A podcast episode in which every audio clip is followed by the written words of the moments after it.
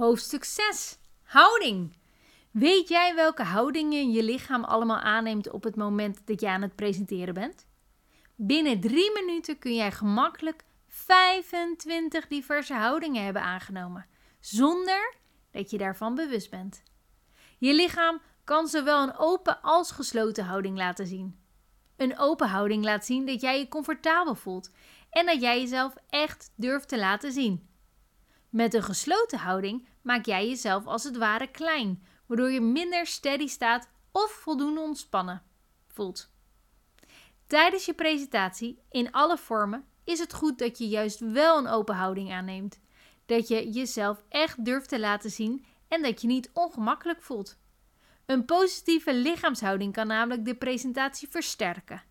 Je handen kunnen je boodschap met bepaalde bewegingen juist ondersteunen. Alleen dan moeten deze bewegingen wel parallel lopen met de gesproken tekst. Vandaar dat het wel goed is om hier even stil bij te staan. Oftewel, is het te zien of te horen dat jij je comfortabel voelt wanneer je meer energie uitstraalt als je aan het presenteren bent? Het is echt niet raar als je oprecht niet weet wat je lichaam allemaal doet. Bijvoorbeeld, ontzettend veel mensen staan onbewust op de zijkanten van hun voeten. Alleen, ze doen dit zo onbewust dat het de gewoonte is geworden.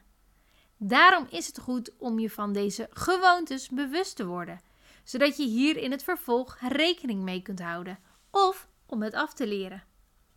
Wees bewust van je non- als je verbale communicatie. Zorg ervoor dat zij dezelfde taal gaan spreken.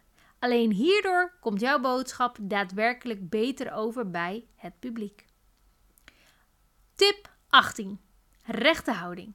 Hoe staat het met je lichaamshouding? Heb je een rechte rug? Staan je schouders zowel naar beneden als naar achteren gericht? Waar zijn je armen? En wat zijn je benen en je voeten aan het doen? Probeer als spreker altijd bewust te zijn van je eigen houding. Dit kan veel betekenen voor je gehele presentatie. Zorg ervoor dat je stevig op de grond staat en dat er een denkbeeldige touwtje van je kruin naar het plafond gaat.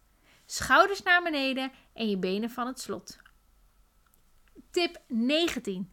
Wees bewust van je eigen lichaamstaal. Wist je dat jouw lichaam de emoties kan weergeven hoe jij je diep van binnen voelt? Emoties kun je namelijk zowel in gezichtsuitdrukkingen, gebaren en of bewegingen doorgeven.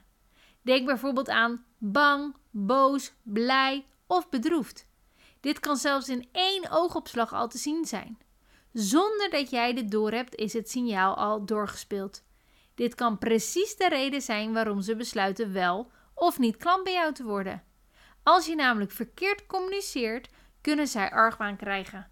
Voorkom dit door bewust te worden van je eigen lichaamstaal. Tip 20. Leg accenten op je woorden. Ben jij iemand die vaak onbewust met je handen spreekt? Zorg er dan voor dat je handen geen afleidende rol gaan spelen. Zet ze alleen in op belangrijke momenten, zoals bij begrippen, termen of klemtonen. Het zou zomaar kunnen dat je gebaren iets anders vertellen. Stel, je bent regelmatig aan het wijzen, dan kom je agressief over. Dit is natuurlijk helemaal niet de bedoeling. Tip 21. Weet hoe je gezicht staat. Wat straalt je gezicht uit? Kijk je gefronst of zelfs onbewust boos? Daarnaast is er nog andere belangrijke vraag. Staat je gezicht ontspannen? Als dit namelijk niet het geval is, dan kijk je precies zoals mensen die lang moeten reizen met de bus of met de trein. Over het algemeen kijken zij somber, boos of arrogant. Er kan bij wijze van spreken niet eens een glimlach van af wanneer er iemand naast u gaat zitten. Zelf noem ik dit je busgezicht. Juist wanneer je aan het presenteren bent, mag je meer dynamiek in je gezicht laten zien. Dit kun je onder andere doen via je ogen, wenkbrauwen en je mondhoeken. Als je benieuwd bent naar je eigen gezicht, kijk eens naar je mimiek of op foto's of op een video. Hoe ziet dit eruit? Wat straalt je uit? En of welke emotie laat je zien? Wat zegt jouw gezichtsuitdrukking? In de volgende hoofdstuk die ik voor jou ga voorlezen, die gaat over je tekst delen.